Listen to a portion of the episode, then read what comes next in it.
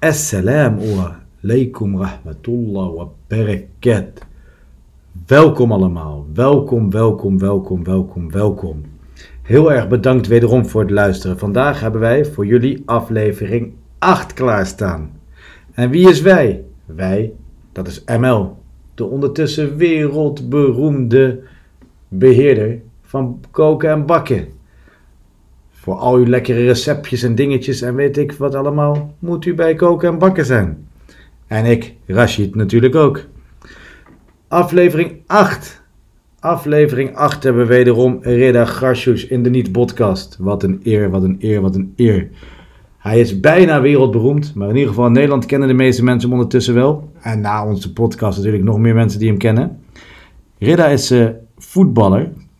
En dat doet hij op dit moment voor FC Emmen. Althans, hij mag nog niet helemaal voetballen zoals hij de vorige keer heeft laten weten, want hij is nog geblesseerd. Maar hij staat in ieder geval op dit moment op de selectielijst van FC Emmen. Nou, Reda heeft de vorige keer al verteld hoe hij zijn hele carrière heeft doorlopen, hoe hij op het punt gekomen is waar hij nu is. En we zijn heel erg trots dat we uh, naar deel 2 van het drieluik mogen gaan luisteren over uh, het leven van Reda als profvoetballer. Heel erg bedankt iedereen alvast voor het luisteren. Ik hoop oprecht dat jullie je willen abonneren op ons YouTube kanaal. Doe dat nou eventjes. Abonneer gewoon. Druk op die abonneerknop. Want het is opvallend dat bijna alle mensen die naar ons luisteren, en dat zijn er best wel wat, niemand bijna geabonneerd is. Dat kunnen we allemaal zien aan de statistieken. Ja, YouTube is van Google. En Google had niets verborgen voor je jongens. Dus even op die abonneerknop drukken en luister nou op een andere manier. Ook gewoon lekker blijven luisteren natuurlijk. Hè? Het hoeft niet via YouTube. In ieder geval wensen uh, ML en ik jullie voor nu heel veel luisterplezier. En wees niet bang.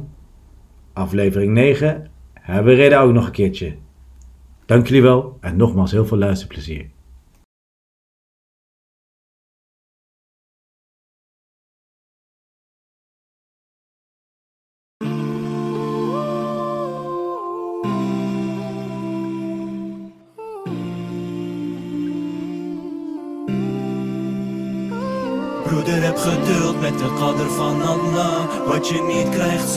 Hebben gehad. Weet dat alles in dit leven geschreven staat. Hoe goed of slecht ook het leven gaat.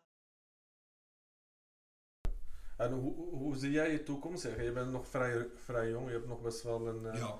wat- carrière voor je, inshallah. En ik hoop dat dat ook allemaal gewoon perfect gaat. Maar heb je wel eens nagedacht over na het voetbal? Heb je wel, ben je wel eens uitgegaan van, oké, we hebben een best case scenario. Ik ga nog, ik zeg maar, tien jaar bij echt een profclub spelen, ook in het buitenland. Maar heb je ook nagedacht van, stel je voor, eh, ik zeg maar wat, hè, het, het kan, eh, dat, dat, dat het niet, misschien niet lukt door blessures of Ja, wat dan ook. tuurlijk. Maar dan ga ik gewoon doen wat ik aan verder was. Hard werken en we zien wel wat er goed komt. Kijk, ik ben, ehm, ik ben van mening, in Nederland kan je altijd werken. 100 procent. Ik ben van mening, heel veel mensen zeggen ja, dit werken, dit werken, dat. Ik ben van mening dat je altijd kan werken. Ik, ben, ik zal me niet schamen om bij een Albert Heijn te werken als dat mijn loon moet gaan worden. Weliswaar. Ik zal niet, me niet schamen om bij een vuilnisbeeld te gaan werken als het moet. Want mijn brood moet op tafel komen. En mensen onderschatten het werk van een vuilnisman. Maar die verdient ook gewoon 2200 euro netto. Ja. Omdat het vies werk is. Maar je bent wel mannelijk genoeg om dat gewoon op je brood te krijgen. Kijk, als mijn voetbalcarrière niet slaagt, ik heb er alles aan gedaan. Heel makkelijk zo. Maar als ik getrouwd ben en ik heb kleintjes, ben ik nog steeds verantwoordelijk in huis. Ja. Als mijn vrouw me wilt helpen, is het mooi. Maar ik moet, me niet, ik moet mijn mannelijkheid niet gaan verliezen. Door mijn vrouw van alles te gaan laten doen en ik thuis mag gaan zitten en luieren. Ik ben van mening in Nederland, in Nederland, echt vooral in Nederland, je kan werken. Met alle respect, als je op straat komt, heb je zelf iets verkeerd gedaan. Zelfs weliswaar als je op straat komt, kan jij jezelf binnen een maand of twee echt oppakken. Ja, zolang jij denk ik, eh, sommige zaken zijn overmacht. Ik Nee, sommige zaken zijn overmacht. Maar in Nederland kunnen we zoveel hulp krijgen in zoveel dingen. Kijk, hulp komt je altijd. Maar die hulp moet je ook weliswaar kunnen accepteren. Ja. En die wordt door heel veel mensen niet geaccepteerd. Waardoor jij nog in diepere dal komt. Zeker. In Nederland hebben we echt een must. Kijk, dat ik 54% inlever. Want die 54% wat ik inlever, komen er andere mensen wel goed mee terecht. Ik zeg altijd, en dat zie je ook heel veel jongeren die nu 25 zijn zonder werk zijn. Het is niet schaamteloos om ergens te werken waar je gezien wordt waar je niet gezien wilt worden. Duizend procent, bro. Duizend procent. Weet je, ik heb ooit eh, zelfs eh, in een Chinese restaurant eh, afgewassen. Dat boeide mij echt Maar niet. het maakt niet Nee, uit. Nee, man. Als dat jouw verdiensten zijn op dat moment, dan is het maar zo. Zeker. Want ik zeg altijd, je weet niet wie je tegenkomt in de Albert Heijn. Klopt. Is ook zo. Jij weet niet wie jij tegenkomt. Jij weet niet hoe snel jij een filiaalmanager bent van een Albert Heijn. Klopt. Klopt. 100 procent. Jij weet niet wie je tegenkomt bij het vuilnisbed. Stel je gaat bij het en je, je vindt een ruwe diamant. Ja, Wat dan? Jij weet niet waar jouw rust is. Klopt, klopt. klopt. Dat is ook een bepaalde dankbaarheid aan jou. eh, ja, je zet je ego ook altijd opzij. Dat, dat is gewoon belangrijk. Als jij verder wil komen met bepaalde dingen in het leven, Klopt. moet je ego moet je sowieso opzij zetten. Tuurlijk, maar je ziet heel veel mensen alles van hun leven inleveren. En dan denken ze een jaar later, waarom heb ik dit gedaan? En twee jaar later zijn ze miljonair. Genoeg verhalen. Maar het gaat erom hoe hard wil jij werken voor je verdiensten. Dat is het echt. Klopt. Tuurlijk, als ik hoor, mijn vader heeft van 5 uur ochtend tot 7 uur in de avond gewerkt om alleen brood voor ons te krijgen met een minimaal loon. En hij is nu een van de grote teamleiders van PostNL in Nederland. En hij zit lekker op een stoeltje. Dan weet ik dat hij iets goed gedaan heeft. Mijn vader hoorde ik nooit, ik ben ziek. Al is hij ziek. Snap je? Ja. Ja. Als jij iets wil, mijn vader kwam hier zonder taal. De taal heeft hij nog steeds niet onder zijn voeten. Hij kan nog steeds niet zo goed Nederlands. Maar hij is wel nog steeds een van de grootste teamleiders door zijn werkgedrag. Houding, gedrag, dankbaarheid en positief beleid. In Nederland Ja. is het, kijk, ik noem Nederland een land waar we eigenlijk alleen maar werkpaarden zijn. In Nederland kan je niet genieten. Nederland is geen vakantieland. Nederland is een werkland. Tuurlijk kan je wel ergens uit eten of iets. Maar Nederland blijft een werkland. Kijk om je heen, als jij bijvoorbeeld naar een Curaçao gaat of naar een Marokko, wat dan ook. 80% is aan het luieren en heeft de inkomsten. In Nederland heeft 80% werk en 20% is aan het luieren. Dat zijn meestal de bazen van een fabriek of wat dan ook. En zelfs die willen alleen maar meer en meer en meer en meer. En die zijn alleen maar alles aan het openen. Ja. In Nederland hoor je eerst, ik moet werken van 9 tot 5 en daarna heb ik tijd. Ja, Als je in. Marokko bent, hoor je, natuurlijk, 1 uur ja, een tijd- tijdje doen, ja, natuurlijk, waarom niet? Nederland zijn we allemaal werkpaarden. Je krijgt het ook, maar dan moet je het ook weer. Ja, dat is goed. Je hebt een goede instelling, weet je. Er zijn niet veel mensen die ook... En daarom zeg ik, jouw vraag eh, na het voetbal, het is mij nu gegeven. Ik probeer natuurlijk wat eruit te halen. Eh, daarom zei ik ook in het begin van, eh, je blessures gaan toch nadenken, wat moet je eigenlijk ermee? Daarom wil ik inshallah ook gewoon eigenlijk echt een leuke buitenlandse avontuur hebben dat ik dan terugkom. En dat ik dan gewoon wat voor mezelf open of uh, kennisbaar een appartement koop waar je eigenlijk altijd op achter kan leunen met qua huur, et cetera. Of iets erop, eh, iets openen waar je eigenlijk altijd je plezier eruit haalt. En als dat niet lukt, zetten we weer een stap terug en eh, gaan we werken. Ik heb gelukkig genoeg voetbalverstand waardoor ik trainersdiploma's kan halen. Ik hoef niet per se mijn voetbal met mijn benen te laten werken als je maar je hersens laat werken. Dus we kunnen van alles maken, van alles doen. Maar Nederland heeft je wel gegeven dat je eigenlijk heel veel kanten op kan. En met 2200 euro kan je in Nederland rondkomen. Ja, zeker. En tegenwoordig werken de meeste vrouwen in Nederland, waardoor jouw vrouw eh, eigenlijk heel veel lasten van jou weghaalt, waardoor je eigenlijk bijna niks meer aan je vrouw afstaat. Dus je hoeft haar eigenlijk weliswaar niet veel te doen, zolang al het eten en huur betaald wordt. En de meest respectvolle vrouwen tegenwoordig gelukkig zegt ze van, ik heb mijn eigen geld, jij kan doen wat je eigen. Dus dat is alweer een halvering. We moeten daar niet over liegen. Dus eh, aan werk in Nederland heb je werk en hier kan je zelf echt rond laten komen. Ja. En ehm, even wat anders. Eh, ja, je hebt bij heel wat clubs gespeeld. Ja. Ik vraag me af hoe jouw tijd was bij Sparta. Volgens mij zat je op een gegeven moment in zo'n team met heel veel eh, Marokkanen en Turken. En, toch? Was het, dat is, Ja, ik zat in het begin van het jaar met vier Marokkanen. Maar bij Telstar was het ook het geval. Ah, oké. Dus heb het bij Telstar ook al een beetje meegemaakt. Want toen waren wij met eh, ja, vier Marokkanen ook. Maar hoe, hoe, Vijf hoe, hoe was dat in de kleedkamer en buiten, buiten het veld? Niks. Ik denk dat wij eh, tegenwoordig als je een beetje voetbal in het Nederland ben je een beetje, eh, hoe zeg ik dat, het beste. Vooral als je bij een club als Sparta voetbalt, is het toch een stadsclub. En ook de Hollandse jongens, of de Surinaamse jongens. Je zit daar heel veel op één lijn met elkaar, want het zijn stadsjongens. Je ziet de meeste moeite is eigenlijk eh, als iemand van buiten afkomt vanuit een dorp. Eh, die heeft dan het meeste problemen mee, want eh, wij zijn op dat moment hetzelfde gedrag als de Hollandse jongens. Ja. als de Marokkaanse jongens. Dus stadsjongens zijn eigenlijk best wel stadsjongens. Natuurlijk zoek je wel af en toe wat vaker de Marokkanen op. Want ik zat bijvoorbeeld met Appie Haroui, zaten we samen en dan zoek ik elkaar op. Omdat het een beetje, qua geloof vond ik het wel, wel wat beter. Want Appie en ik gingen dan samen bidden op, op kamer. Of eh, als we samen Fajr gingen opstaan, dat we samen gingen bidden, maken elkaar wakker. Dat er dan niet een beetje anders naar je gekeken wordt van hé, wat is jij eigenlijk aan het doen. Dus dan zoek je elkaar op zulke momenten wel op. Maar voor de rest is het eigenlijk echt een eenheid. En hoe, hoe ging Sparta om met, met, eh, ja, met eh, mensen die hun geloof beleiden? Ik, vind, ik zeg je eerlijk, elke club waar ik ben geweest en gekomen, zelfs in de gekste Friese clubs, ik klop gewoon aan bij het materiaal, en ik zeg meneer, ik moet mijn gebeden verrichten als ik aankom. En ik zeg, mag ik ergens bidden? Als ik, ja, tuurlijk, loop lekker mee. Dus ik denk dat het in Nederland eh, heel erg geaccepteerd is. En ehm, hoe ik het zeg, zelfs bij clubs waar alleen maar Hollanders kwamen voetballen, wij moesten een uitwedstrijd spelen. En ik klopte bij het materiaal aan, heeft hij misschien een ruimte voor om te bidden? En zegt hij, ja, tuurlijk, loop lekker mee. Dus ik denk dat het in Nederland gelukkig goed geaccepteerd is. Ja. ja, het komt ook natuurlijk door alle voorgaande voetballers die hebben gespeeld, de islamitische voetballers. ja, daarom zeg ik ook, Die hebben al die baan gelegd, dus Ja. het is niks vreemds Maar voor je moet het ook nog eens durven, want ik zie heel veel voetballers vanuit onze cultuur die het ook gewoon niet durven, die alles gewoon laten tot het eind van de dag. Ja? Tuurlijk. Oké. Die de vraag niet durft te stellen of ze ergens mogen bidden. Ja, Bijvoorbeeld. dat is... eh, Daar moet je ook nog eens ballen voor hebben. ja, Ja, dat het is wel bijzonder. Dat, dat, ja, dat is lastig, hè. Het is lastig. Het is ook, ja, ik, tenminste, ik, kan me dit, eh, ik kan me ergens wel voorstellen dat sommige mensen de angst hebben om het te vragen. Ik Tuurlijk, denk- want- Totdat je het één keer gevraagd hebt. En dan Ja. zal die angst weg zijn. Maar Maar bij heel veel mensen word je ook heel snel afgeschreven, word je in een hoekje gedreven. precies, daarom. Terwijl ja, je komt gewoon eigenlijk een beetje op voor je eigen geloof weliswaar. En iedereen heeft zijn eigen geloof. Om de ander ehm, bidt tijdens het eten. En dan ga je ook niet zeggen van hé vriend, wat ben je aan het doen? Want je accepteert het.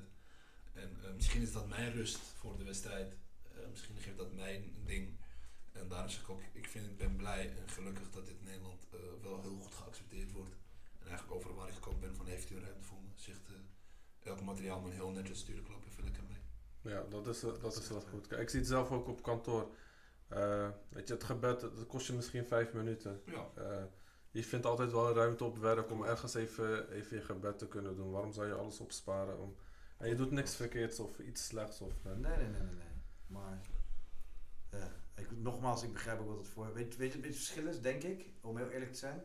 Is dat eh Ridda heeft echt zeg maar een, een bepaalde visie en gelooft juist zeg maar dat door het goede te doen, islamitisch het goede te doen, eh, ehm, ook het goede op hem af zou komen. En sommige mensen denken juist van als ik erg slijm bij de opposite, dan kom ik er ook wel. Dus ik verlogen mijn eigen Ja. eh, afkomst. En als ik maar net doe alsof ik bij hen hoor, dan doe ik, ga ik stiekem wel lekker s'avonds bidden als ze het niet weten. Maar bij hen doe ik gewoon of ik bij hen hoor. Want die gekke jongens die aan het bidden zijn. En dan kom ik in ieder geval goed in het straatje. Dus dat is natuurlijk ook nog. Het is niet alleen de vraag die je niet durft te stellen. Maar soms ook gewoon dat je denkt van nou, een tactische overweging. Klopt. Het is wel zo. Kijk, wij zeggen ook vanuit het geloof een beetje, vanuit het islamitisch geloof. Eh, de blessures die je krijgt, dat zijn eigenlijk de, de pijn die je krijgt en eh, wat je allemaal lijdt eh, in het dagelijks leven. Dan worden bepaalde zondes van je verwijderd. Ja. En ik krijg dat toch vaak voorgeschoteld. En ik zie het ook wel echt terug dat bepaalde zondes verwijderd worden. Kijk, ik ben wel altijd een jongen met een grote glimlach, maar ik ben ook niet een braaf jongen. Ehm, dat de dingen dan verwijderd worden en ik lijkt wel dat het voor mij een soort van bevestiging is in het leven. En, ehm, dat het mij toch een gevoel geeft dat het weliswaar ook echt zo is. En ehm, ik probeer mezelf elke dag wel te verbeteren in het leven, positief. Ja. Ehm, dus achteraf als ik een blessure krijg, denk ik van, ja, het gebeurt wel met een bepaalde reden. En ehm, wie weet wat hier voor mij weggestippeld is, want ik zat ook niet in een goede vibe eerlijk gezegd bij Sparta. Ik had het dan heel snel niet meer naar mijn zin. En door deze blessure kreeg ik eigenlijk wel heel raar, kreeg ik vreugde terug in mijn eigen levensstijl. Ja. Want ik was niet tevreden bij Sparta, ik was fit, maar ik speelde niet veel. En ik had elke, keer, elke week een bepaald gesprek met de trainer. En toen ik geblesseerd raakte, zeiden heel veel mensen in mijn omgeving, je lacht weer. Wat eigenlijk best gek is. Want ik ben weer, ik kreeg er eigenlijk wel weer drie, vier maanden uit en het is mijn werk. Ja. Maar heel veel mensen zeiden tegen mij, Reta, je lacht weer. En dan komen er andere stappen vrij. Ik heb niet gezegd dat het bij Emma gaat slagen. Maar ik ga wel met volle moed en energie naar Emmen. Terwijl ik naar Sparta op een gegeven moment wel met een bepaalde ehm, verdriet weliswaar bijna ging. Van, eh, ik heb er niet voor gekozen om voetballer te worden om eh, mezelf zo mentaal kapot te maken. Dus zodoende. ja. Uh, mijn blessure heeft me ook weer geholpen om mijn plezier terug te vinden in wat ik eigenlijk doe. Wat eigenlijk best gek is. ja. Maar wel mooi. Zo- Ja, Ja, Ja, tenminste, het is een... ja, het is, het is op een bijzondere manier mooi, laat ik het zo ja, zeggen. het is op Dus- een andere manier mooi. Ja. het punt is, jij kijkt anders naar blessures. Eh, sommige mensen zullen... Voor, voor sommige mensen komt dat gewoon als een mentale klap binnen. hè? Maar kijk, bij mij is het ook wel mentaal. Natuurlijk ga ik dan denken van, hé, ehm, ik voetbal nu al vijf jaar en het zijn elke keer blessures. Ehm tuurlijk ga je dan overwegen, je wordt ouder, wat ga je doen? Maar ik zeg ook aan de andere kant, zolang ik kan blijven doen en het plezier eruit haal, waarom zou ik stoppen en overwegen om te stoppen? ja. Dat is de beste instelling die je kan hebben, natuurlijk. Precies. Ja, dus, eh, het is mij nu gegeven, hoeveel jongens willen in mijn voeten staan. Een blessure is een tegenslag, ja, ja, ik kan het ook niet voorkomen, terwijl sommige mensen zeggen, ja, je kan het wel voorkomen, ja. Eh, ja, ik kan ook voorkomen om met 130 km per uur te rijden op een snelweg. Ja. Dat- is mijn lichaam hoe die zo reageert. Elk lichaam is anders. Dus je kan wel tegen mij zeggen van eh, ik kan het voorkomen. Kan ook weliswaar. Ja, Maar jullie hebben het misschien ook kunnen voorkomen om een andere stappenplan met mij te zetten, weliswaar, of wat dan ook. Dus ik kijk er altijd heel, heel positief naar. En natuurlijk klaagt het, want ik heb alleen maar blessures in de afgelopen periode. Maar wie weet dat ik na deze zware blessure nog sterker eruit kom en Ja. eh, nog meer ga knallen. En ik nu weet, ik zet een stapje terug en ik heb eigenlijk de competitie al kapot gemaakt. Dat dat mij nog meer een boost geeft. Dus eh, ik ga het allemaal meemaken. Ik weet ook niet of je het kan voorkomen. Hoor. Ik denk dat je het niet kan voorkomen. Er staat letterlijk. Ik wil niet weer. eh, ik ben altijd de, de, prediker van iedereen. Reda heeft gisteren nog meegemaakt dat ik eh, hele dingen. Maar er staat letterlijk in Surah al-Hadid, ayat 22, uit mijn hoofd doe ik dit. Ehm, iets in de zin van dat op aarde zal jou geen ramp treffen. of het staat in het boek geschreven. Dus er gebeurt niets aan jou of op aarde zonder dat in het boek geschreven staat. Eh, en volgens mij ehm, komt dat een beetje op neer. Dus het is het lot. Het is niet, Ja, je kan iets niet voorkomen. Ehm, dus uiteindelijk, eh, sterker nog volgens mij, maar ik ga nu wel heel ver in mijn hele dingen, maar volgens mij is het zelfs een hadith dat eh, de profeet sallallahu alaihi wasallam, het eerste wat hij schie- zeg maar op aarde werd geschapen door, was de pen. Ja. En hij zei, Allah zei tegen de pen, schrijf. En zei de pen, wat moet ik opschrijven? Weet je, wat, wat, kan ik opschrijven? En toen zei, hij, eh, toen zei Allah, subhanahu wa ta'ala, tegen hem, schrijf het lot van alles dat tot het uur van de dag des oordeels aanbreekt.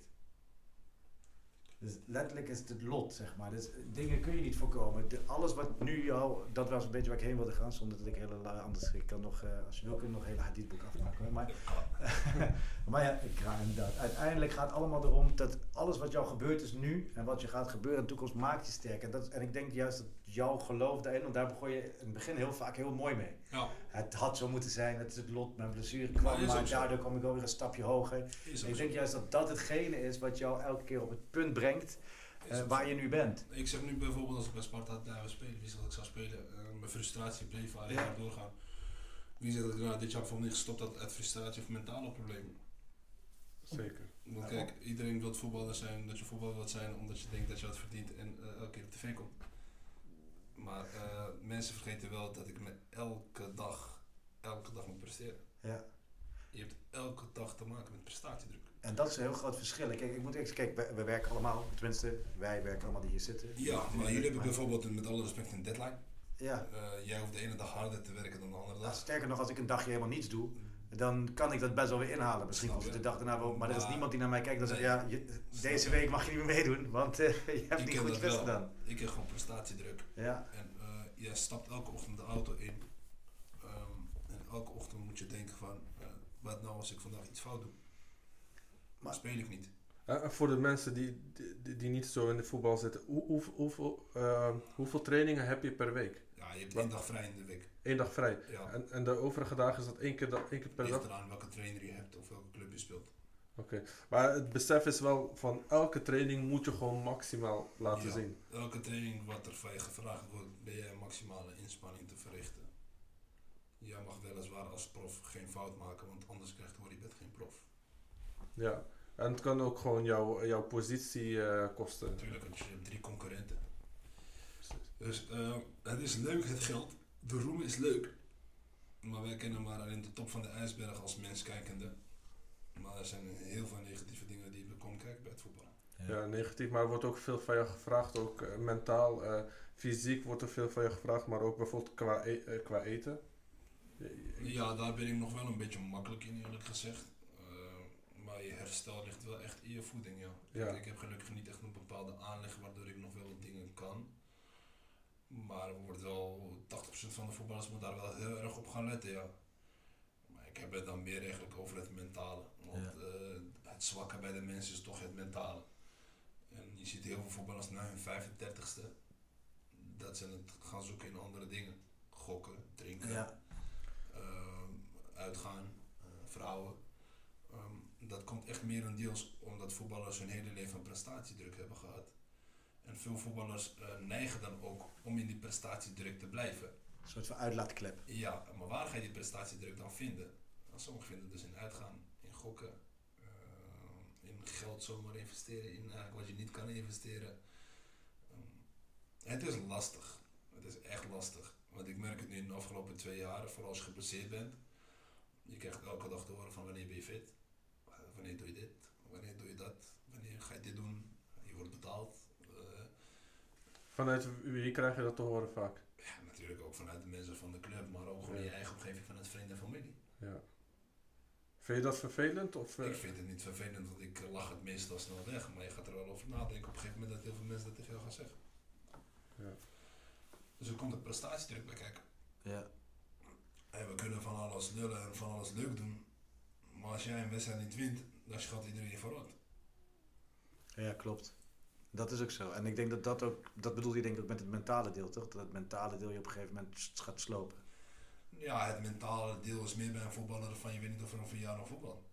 Speelt dat er veel, ja? Heb je vaak het idee Ik gelukkig niet, want ik sta er best positief in. Want ik vind het allemaal leuk wat ik doe. Ja, Maar als precies. jij je hele leven bij voetbal hebt en je zit steeds een stapje terug. Ja, En je hebt geen school, je hebt nooit gewerkt. nee, precies. Eh, en jouw verdiensten hangen alleen maar af van, eh, vanuit je voetbalcarrière. Ja, Dan ga je toch wel nadenken elk jaar van oké, je voor ik beland nu op de bank, wat dan? ja, precies. Dat heb je heel veel. Want als jij niet presteert op training, je hebt een presta- prestatiedruk en je hebt eh, drie man die met jou concurreren.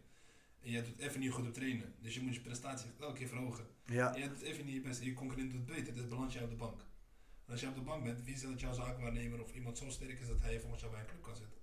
ja nee, klopt. Dus de prestatiedruk is er elke dag. Ja, Behalve als jij er elke weekend twee erin schot. Ja dan hoef je de training niet te presteren. Maar dan moet je inderdaad... Z- Zag je dat wel eens terug bij spelers? Die ja, begint te lachen. Maar... ja, alhoewel ik het bij mezelf wel een beetje gezien heb. Ja? Ja, bij Telstar liep ik toch echt alle kanten uit. En ehm dan krijg je toch een beetje een bepaalde, hoe zou ik dat zeggen? Er wordt dan anders naar gekeken, ook vanuit een andere mensen natuurlijk. ja, je hebt ook een bepaalde krediet dan. Ja, Bijvoorbeeld. Ja, als Reda ze niet maakt, wie maakt ze dan? ja precies. Ja, ja, je had gewoon een focuspositie. Tuurlijk. Als jij dan zegt, ehm, ik heb een beetje pijn, dan krijg je host te horen van, weet je wat, neem je rust. Terwijl als mijn concurrentie zegt, ik heb een beetje pijn. Godverdomme, je moet gewoon even gaan trainen, man. Snap je? Er Ja. zit toch wel een verschil in. En dat merk je. En het ergste bij heel voetbal, en ik zeg het ook altijd heel mooi. Wij voetballers zijn gewoon een product. Hoe je het wint of keert, als je het goed doet, word je verkocht. Want dan ben je wat waard. Word je niet verkocht, dan blijf je eigenlijk in het, eh, in het vakmanschap van de Albert Heijn liggen. Ja, ja, Je blijft liggen in het vak. Je bent of Euroshopper, of je bent Coca-Cola. Als heel veel mensen cola gaan kopen, Klopt. dan gaat de prijs duurder worden. Dat is wel mooi gezegd. Heel makkelijk toch? En Mbappé wil iedereen hebben. Ja, Dus Coca-Cola wordt ook duurder. Speelt Mbappé niet, dan is hij niks waard. Maar Euroshopper blijft langer liggen. ja. Klopt.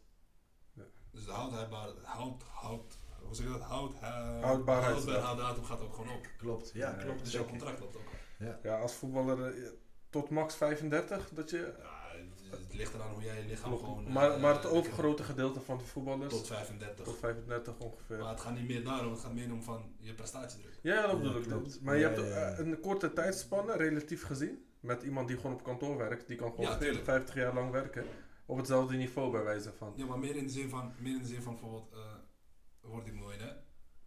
Of blijf ik Euroshopper? Ja, Ja, ja, ja, ja, ja. ja. Dan Coca-Cola wordt ik miljonair. Want Coca-Cola is een wereldwijd merk. Ja, Euroshopper wordt alleen verkocht bij Albert Heijn. Ja, ja, klopt. klopt. Dus alleen de keukencompetitie kijkt naar Cassous. Maar wil ik een grote voetballer worden, krijg je de status. Ja, Dan word je Coca-Cola. Ja, ja, ja, zeker. klopt. Dan ga je de wereld over. Klopt. Dus je bent een product. Zolang je onder een club staat, onder een product, onder een contract, ben je gewoon een product. Zo zie ik het. Dus je doet wat je wilt, je bent gewoon een product. Doe je het goed? Is het nooit goed eigenlijk? Want je kan je bedrag niet eh, bespreken. Misschien ben je 5 miljoen waard, maar omdat je het zo goed doet, ben je opeens 15 miljoen waard. Wil het niemand jou hebben. Ja. Want je bent te veel waard. Doe je het slecht, wil het niemand er ook hebben. Dus je doet het slecht. Ja. Dus wat moet je nou doen? Ja. Leg mij uit, wat doe je doen? Er is gewoon heel veel politiek komt er ook gewoon bij kijken. Als voetbal. Dat is eigenlijk, je bent gewoon een product. Ja. Hoe je het went of keert, je bent een product. Hoe moet ik het zeggen, als heel veel mensen een product gaan kopen, dan wordt het product natuurlijk ook duurder. Kopen mensen het product niet, dan wordt het goedkoper. Ja. Zo ben je Klopt. als voetballer, presteer jij en je presteert alleen maar meer dan wat er van je verwacht wordt, dan word je ook alleen maar duurder. Ja. En dan word je een merk. Dat is wel mooi. Ja, klopt. Het is precies. En presteer jij niet, dan is je datum ook afgelopen. En dan kan je weggegooid worden. Het kan heel snel gaan. Want jij gaat geen cola blikje drinken die over, over de datum is. Ja. Heel makkelijk.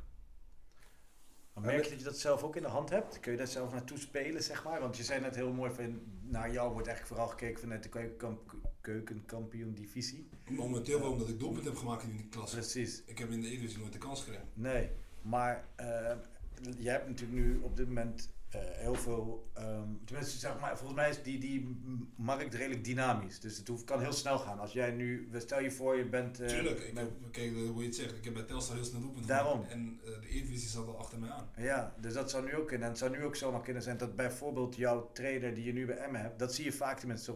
Ik zie dat vaak, want volgens mij was er geen één. Was er nooit een Barcelona-trainer geweest, die, hoe heet die? Luc de Jong heet die toch? Die nu naar Barcelona is gegaan? Ja, Volgens mij was er nooit een andere Barcelona-trainer geweest dan Koeman die ooit Luc de Jong zou kopen. denk het ook niet.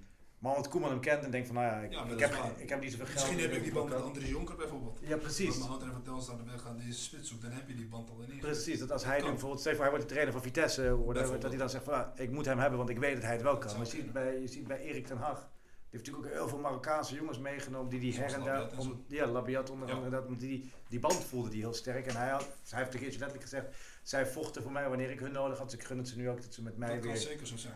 Ja, Ik heb dat heel mooi met Anders Jonker en dat waardeer ik nog echt heel veel aan hem. Als ik af en toe bij Telstar ga kijken, eh, midden in de interview stopt hij gewoon een interview, komt hij mij groeten en dan gaat hij terug naar zijn interview.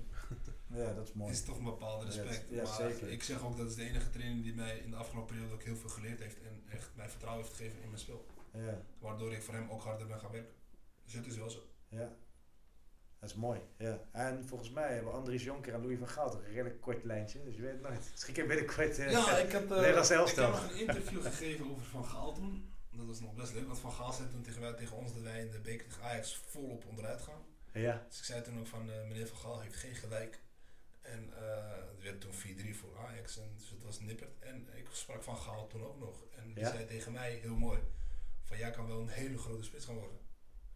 Als meneer Van Gaal dit zegt, dan, eh, Die heeft er verstand van, dan kan je er wel wat van Ja, horen. precies. dus ik vond het wel mooi, want die kwam kijken, omdat ze natuurlijk heel lang Ja, samen ja. gewerkt hebben, Andries en eh, Ja, precies. Dus die zei tegen mij van, eh aardig spitsje ben je, jij kan ver komen. Dus dat geeft je dan toch wel weer een bepaalde moed vanuit een andere kijk. Ja. Ik vind het sowieso mooi, want jij hebt überhaupt natuurlijk een, een carrièreverloop gehad. waarvan jij hebt echt, echt de, de droom van menig voetballer die nu in de A zit, die nog niet bij Ajax zit of weet ik wat, heb jij waargemaakt. Ja, ik denk ehm, dat er ook heel veel jongeren naar mij opkijken. Ja, Ehm, qua interviews, et cetera, zie je dat het heel veel eigenlijk in eigen omgeving is. Ik denk Ja. als je mijn verhaal met alle respect ook in een hele grote platform gaat eh, ontwikkelen, dat je heel veel jongeren erbij kan dat betrekken. denk ik ook. Ehm, die platform krijg je niet 1, 2, 3 behalve als je bij een Ajax gaat voetballen, dan ga je opeens wel eh, de kijk hebben van oh, hij heeft het van heel ver geschopt of wat dan ook. Maar je merkt wel bijvoorbeeld in Rotterdam of in Amsterdam ehm, dat heel veel jongeren weten wat jij geflikt hebt. ja, En dat heel veel mensen daar naar je opkijken. En vooral in het amateurvoetbal dat heel veel mensen mijn naam horen vallen en die eigenlijk dezelfde stappenplan willen maken.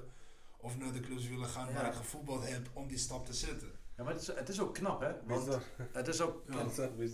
Hey, laat ik zeggen, hoeveel jongens vallen er in de jeugd van een profclub al af? Dat zijn heel veel. Dus la- laat staan dat als jij zeg maar, vanuit amateur Ja. op jouw leeftijd nog prof wordt, dat is echt knap, hè? Want eigenlijk zeggen ze dat tegen heel veel jongens tijdens hun, sta, zeg maar, tijdens hun, hun jeugdperiode. Van, nou, je bent toch niet goed genoeg, we stoppen ermee. En dat is dan toch iemand uit het amateurvoetbal halen, omdat hij dus beter is dan al die jongens die ze toen hebben afgeschreven in de jeugd. Dat is knap hoor. Tenminste, leuke- ik vind het knap. Het leuke wat ik dan altijd als antwoord geef op eh, zulke vragen en vooral naar mensen toe. Jij bent pas voetballer als jij in een eerste elftal speelt. Ja. Of je nou bij Ajax A1 gespeeld heeft of bij Zeeburg A1. Jij bent pas voetballer als je bij het eerste elftal gespeeld hebt. Ja. Heel veel talenten ehm, ontwikkelen zich gewoon in hun jeugd. Maar die zijn in hun eigen leeftijdscategorie beter dan de anderen. Ja. En op het moment dat jij senior wordt, dan pas begint eigenlijk het echte spel. Ja. En eh, misschien heb ik daar het geluk in gehad dat ik pas in mijn ontwikkeling in mijn seniorenperiode ben gestart en niet in mijn jeugd. Dus ik ben echt het type laadbloeier. Maar ik probeer wel ook heel veel jongens te zeggen, ook die momenteel bij een betaald voetbal zitten, die ik vaak spreek. eh, vooral vanuit de buurt. Heel veel jongens uit Utrecht. We hebben jongen die bij Feyenoord speelt, jongens die bij Ajax spelen. Ik zeg ook gewoon boys tegen ze. Je bent er pas. Je bent geen prof. Of je nou bij Utrecht of Ajax speelt. Je bent geen prof. Jij bent pas een prof. Eén, of als je op tv komt. Of Ja. twee, als je zegt ik voetbal bij een betaald voetbalclub in het eerste elftal. Ja. Dan ben je prof. En dat probeer ik heel veel jongeren wel mee te geven. Ja, precies. Wat mensen wil je niet weten. Ik heb wel heel veel tijd geïnvesteerd in die jaren dat ik geen prof was. Ik trainde wel als een prof. Ja, precies. Ja, ja, ja. Kun je dat toelichten? Want, want je trainde toen bij een amateurclub. Ja, Gewoon twee keer per week drie misschien? keer per week, maandag, dinsdag, donderdag.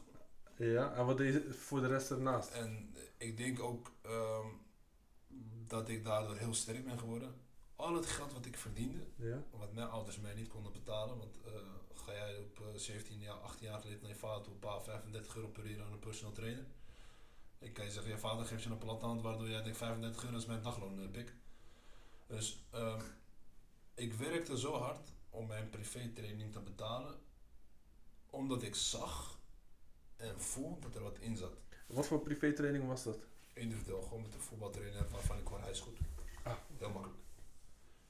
Een trainer, kijk, ik zeg altijd, elke trainer die jij ooit tegenkomt, kan jou wat leren wat jij nog nooit geleerd hebt.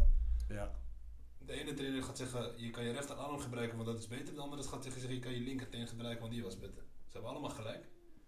Alleen of het werkt, weten we niet. Maar het is wel altijd iets. Dus ik ging toen naar die trainer toe. Elke dag trainen extra. De dag dat ik niet train is woensdag, vrijdag, zondagochtend. Altijd extra trainen. En allemaal uit eigen zak. eh, helemaal naar Hoofddorp toe. eh, uurtje of chipkaart of fietsen of wat dan ook. Ik moest daar komen, geen auto, niks. Eh, moeilijk met mijn vader, want die voetbalde ook. die werkt ook. Mijn moeder geen rijbewijs. Dus je moet daar komen, want je wilt het toch bereiken. Mijn moed was vooral, jij kwam naar mij toe. Je bent echt een goede voetballer, jij kan het halen. Hij komt naar mij toe. Je bent een goede voetballer, jij kan het halen. Ik denk ook als, als die verhalen niet om mij heen waren gekomen, dat ik die personal training ook niet genomen. Maar dat is echt vanuit jezelf heb je dat geïnitieerd. Je dacht van oké, weet je, ik hoor Tuurlijk, zo- wat nou als jij 30 keer hoort, eh, jij bent goed in, eh, in, eh, in de F16 rijden. Bijvoorbeeld, benoem maar iets. Jij denkt, eh, F16, wil je nou helemaal? Uiteindelijk ga je toch nadenken, hey, ik kan het echt goed. Wat nou als ik een cursus neem en ik word er echt goed in? Ja. Maar hetzelfde met mij met voetbal. Maar toch eh, die discipline of besef wat je hebt op jonge leeftijd. Door te zeggen van weet je wat, ik hoor zo vaak. Ik, ik ga op zoek naar een personal trainer. Ja, bijvoorbeeld. Maar dat komt ook omdat ik mijn plezier eruit haal. Ja. Kijk, ik kwam niks tekort vanuit mijn ouders. Ik had eten op tafel. Mijn vader verzorgde het eten. Ik had onderdak. Ik had mooie voetbalschoenen. Ik was goed gekleed. Houden we zo. De, ba- de basis heb je. Niet meer, hoef niet minder. Dus de trainingen die ik had, gewoon doen. En zo ben ik gegroeid. Dat is echt bijzonder. Dat is echt bijzonder, ja. ja je hoort het, eh, tenminste, dat is niet iets wat ik vaker hoor. Dat mensen dus, eh, eh, of tenminste jongens op een jonge leeftijd al daaraan denken van... Hé, ik heb potentie waarschijnlijk, dus laat ik een personal trainer... dus, Ik leg dat de jongens heel vaak uit hoor. Het ligt eraan wat je wil. ja, ja. Wil je het echt halen? Wil je het echt zeggen hoe vaak je het ook hoort? eh, heb ik echt uit alles in mijn carrière gehaald? Ja of nee? Ik ben waar ik nu ben als prof, maar ik heb wel alles eruit gehad om prof te worden. Want ik ben gewoon voor mijn profcarrière nog eens twee keer achter elkaar zwaar geblesseerd geweest. Waardoor heel veel pro- profclubs eigenlijk dicht bij mij waren. Zowel bij OFC als bij Quick Boys. Over wat voor clubs heb je het eh, dan? Ook dezelfde waar ik eigenlijk uiteindelijk beland ben. Oké. Zoals Sparta. Volendam, Den Bosch, eh, Telstar. Jong Sparta kwam nog eens langs, zelfs bij OFC. Ja? Ja, en eh, dan ga je nadenken. En dan wil je het toch, want je bent er wel dichtbij aan. Dus ehm, ja, heb ik er alles voor gedaan? Ik kan dan wel zeggen, ja, ik heb er alles voor gedaan. Doe ik er nu alles aan als prof? Dan zou ik weer zeggen, nee. Want ehm, zij zeggen altijd, als je als prof bent en je hebt het, moet je altijd veel meer doen. Maar ik ben alweer tegen aan het spreken van, ik doe al heel veel, want mijn lichaam is het nooit gewend geraakt. Dus ik doe al heel veel op een dag en klaar, ik rust gewoon mijn lichaam uit. En eh, nu laat ik het baseren op kwaliteit en niet meer op eh, de extraatjes. Ja. Tot ik fit ben en dan wie weet komen dan de extraatjes. Maar Ja. als je nu de basis legt als voetballer is meer dan genoeg. En die basis, die, die heb je al in principe, toch? Bijvoorbeeld doelpunten maken en niet van de bal afstaan. Ja, precies. Die heb ik. Ja, Dat is mijn kwaliteit. En de rest eromheen om mijn lichaam ervoor te schoppen, dat kan altijd beter. ja. Het is wel eh mooie mentaliteit heb je. Ja. Goede Ja. mentaliteit. Je Ja. bent 25, toch? 26 geworden. 26 Net geworden. eind augustus, toch? 25 augustus uit mijn hoofd. Klopt het? 27. Shit, bijna. Ik had het bijna. Ik had het bijna goed uit mijn hoofd geleerd. Ik breek jullie even af wat mijn toekomstige dame zegt. eh, Geen probleem. We kunnen want zij weet, zij weet eh, normaal reageer ik altijd heel snel. En Oh, Locatie, locatie sturen. nee, niet eens. Ze vertrouwt me heel erg veel. Nee. We, kunnen, we kunnen knippen, dus geen probleem. Ja, dat- Nou, mag ik. Dit, dit kan je rustig eruit knippen. Want dan weet je in ieder geval dat ik bezig ben. Want zij weet van mij, ik ben altijd heel, ik ben heel sociaal en vooral als je iemand het gevoel geeft van, ehm, je bent er echt voor diegene, vind ik Ja, dat ja, je ja, ja, optimaal ja. ook moet geven. Tuurlijk. En dat heeft tuurlijk. zij wel van mij. Ja? Ja, eh, ik geef er, eh, wat mij betreft, eh, kan ik overal nergens op moeten reageren. Kijk, ik ben wel iemand die. ehm, ik werk echt vanuit een plan. Tijd is tijd. Kom ik niet op tijd, geef ik het aan. Ja, Ik ben wat later of niet later. ja wat dan precies. ook. En haar is hetzelfde. Bijvoorbeeld, als ik bezig ben, zeg ik: hey, ik ben bezig. Ja, precies. Het is voor een uur, anderhalf, max Ja. twee uur, maar daarna ben ik er gewoon weer. Dus ik ben niet van eh, achteraf van: oh, ik was bezig en eh, Ja, ja, sorry, ik was vergeten te zeggen. Ik ben wel altijd gewoon strikt van. Ja, precies. Ja, maar dat- is goed. Dat Ja, maar is- dat heb ik dus ook weer in die mentaliteit en discipline vanuit mijn ouders meegekregen. ja, ja, Ja, ja, dat ja. is goed. Dat krijg je mee, want half zeven is half zeven, één over half zeven. Dat betekent dat je het volgende dag naar bed moet. Ja, Ja, ja, ja. klopt. Maar is ook in het zakelijke leven is dat ook goed. Ja, maar is dat zelf goed, aan. ja. Dat Ja. aan, want je bent nog steeds een presteerblaadje voor jezelf. Ja, absoluut. Maar dat is, wel- dat is sowieso. Maar, maar dat toevallig de, eh, degene via wie ik Reda ken, die eh, vertelde ook vol trots. Hij is altijd op tijd. Als het iets heel bijzonders was. Voor hem blijkbaar wel. Maar, maar dat, dat klopt inderdaad. Ook, en, en ook zeg maar überhaupt in communicatie. ehm, voor, eh, je bent heel duidelijk. Ja, je weet precies wat er is, hoe het is en wat er gebeurt. Zonder, eh, zonder de- laat ik zeggen, ik probeer op dit moment, probeerde ik met, eh, zoals eh, ML ook weet, probeerde ik met meerdere mensen afspraken te maken in de podcast. Wat een paar mensen waarvan we dachten van, nou, die eh, zijn leuk. Maar die, die, afspraken lopen best wel stoer. Bij jou ging het ook heel makkelijk. Dat is gewoon, het had nog makkelijker kunnen gaan als mijn boodschappen eerder goed werden doorgegeven. Maar Ja.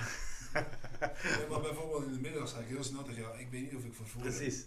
Want mijn zusje geeft Arabische les aan uh, nieuw geschoolde Ja. keerlingen. Want eh, mijn zusje zit ook op de universiteit, die doet ook een Arabische richting. Oh, mooi. Dus die, heeft, eh, Mashallah. die geeft dus les aan eh, echt alleen maar vrouwen. En ze heeft er bijna Ja. 60, 70 op een dag, Zo. op de zondag. Dus die geeft ook gewoon echt specifiek les om de Koran te gaan beheersen. En Ja, te ja, gaan ja, ja, lezen. ja. Dus ja, ik eh, kan niet tegen mijn zus zeggen van 9 uur in de avond nog een tram gaan pakken. Nee, natuurlijk dan, dan, dan verlies ik weer, weer mijn mannelijkheid. Want ik heb altijd gezegd, om daar in de avond in de eentje is toch een qua veiligheid voor mij nog niet. eh, in de cultuur waar wij leven in Nederland is het niet zo fijn. Zeker niet. En Dus zeker niet bij de het trend. Ja. Dus dan dacht ik van ja, ik kan niet zo zeggen. Dus dan zeg ik maar eerder een podcast af dan, eh, dan dat ik mijn Tuurlijk. afzeg. Logisch. Maar ja, gelukkig is Rashid zo flexibel. Ja. Hij haalt je gewoon op. Top, top. Maar daar is ook wel communicatie, zeg ik wel ver van tevoren. ja, zeker. Nee, dat bedoel ik. Communicatief Ik zou op de brommer kunnen komen, dan zou ik hier pas half tien zijn. Ja, ja, ja, ja, ja. Nee, maar, Nee, sowieso, maar dat is gewoon eh Nee, want ik ben net naar de brommer naar Utrecht gaan. Serieus? Ja, ik kwam net van Utrecht vandaan. Ik was Ja, toevallig klopt. precies half negen voor de deur. Ja. Dus ik sta beneden. Ja. Met een brommer die maar 45? 35. 35? Ja. Maar ja, ik ben van afspraak. Als ik zeg dat ik er ben in Utrecht om die tijd, dan moet ik er ook gewoon zijn. Oh, dat vind ik wel... eh, Dan ga ik het niet afzeggen. Ja, dus ik ja. heb gewoon de brommer gepakt. Ik heb er een uur en twintig minuten over gedaan. Een uur en een kwartiertje. prachtig. Ja, en we waren precies inderdaad. Ik was, eh, ik was echt net aangekomen toen kwam je net na me Ja, aan. toen je ja, ja, half is half. Dus ik zet net de brommer op slot en ik zet ik sta Ja. Oh, Ik was er vijf voor half en hij was precies 29. Dat was hem dan alweer, jongens. Aflevering 8. Het is weer gedaan. Het is weer voorbij. Jammer. Jammer, jammer, jammer, jammer. Maar, wederom niet getreurd, hè. Aflevering 9 is zoals we hadden aangekondigd wederom het ridden. Want het is geen drie luik als we geen drie afleveringen hebben. En aflevering 10, ons eerste jubileumafleveringetje, hebben we ook een speciale gast. En als jullie al hebben gekeken op Instagram, dan hadden jullie kunnen weten wie onze speciale gast is. We zijn heel erg blij dat we hem hebben. Maar nu eerst nog één aflevering met onze ridder. Knap hoe hij het allemaal weet te vertellen. Zo down to earth gebleven. Prachtig verhaal van een jonge jongen. Ik kan niets anders zeggen dan dat ik heel erg trots ben op ridden. En dat ik heel erg trots ben op het feit dat wij ridden aan onze aflevering en uitzending hebben gehad. Geweldig. Echt geweldig. Ridda, heel erg bedankt. Jullie heel erg bedankt voor het luisteren en kijken. Uiteraard ML, onze vakantieganger, die altijd eh, op vakantie is. En ook nog eens beheerder is van koken en bakken, waardoor die wereldberoemd is geworden. VIP-status heeft gekregen. Dus kan die ook lekker makkelijk op vakantie gaan. Maar ja, anyway, dank jullie allen. We willen jullie heel graag vragen om te abonneren. Vergeet niet te abonneren. Wij willen ook een keertje geld gaan verdienen aan deze podcast. Moet je altijd eh, maar eh, voor de goede orde zijn. Moet ook een keertje gewoon lekker eh, knaakjes eruit gaan trekken, jongens. En als ons moken geld kan verdienen, dan mogen wij dat natuurlijk ook. Nou, voor nu wil ik jullie in ieder geval heel erg bedanken voor het luisteren. Heel veel goeds, niets dan goeds wensen we jullie toe, ML en ik. En voor nu, assalamu alaikum, rahmatullah wa barakatuh.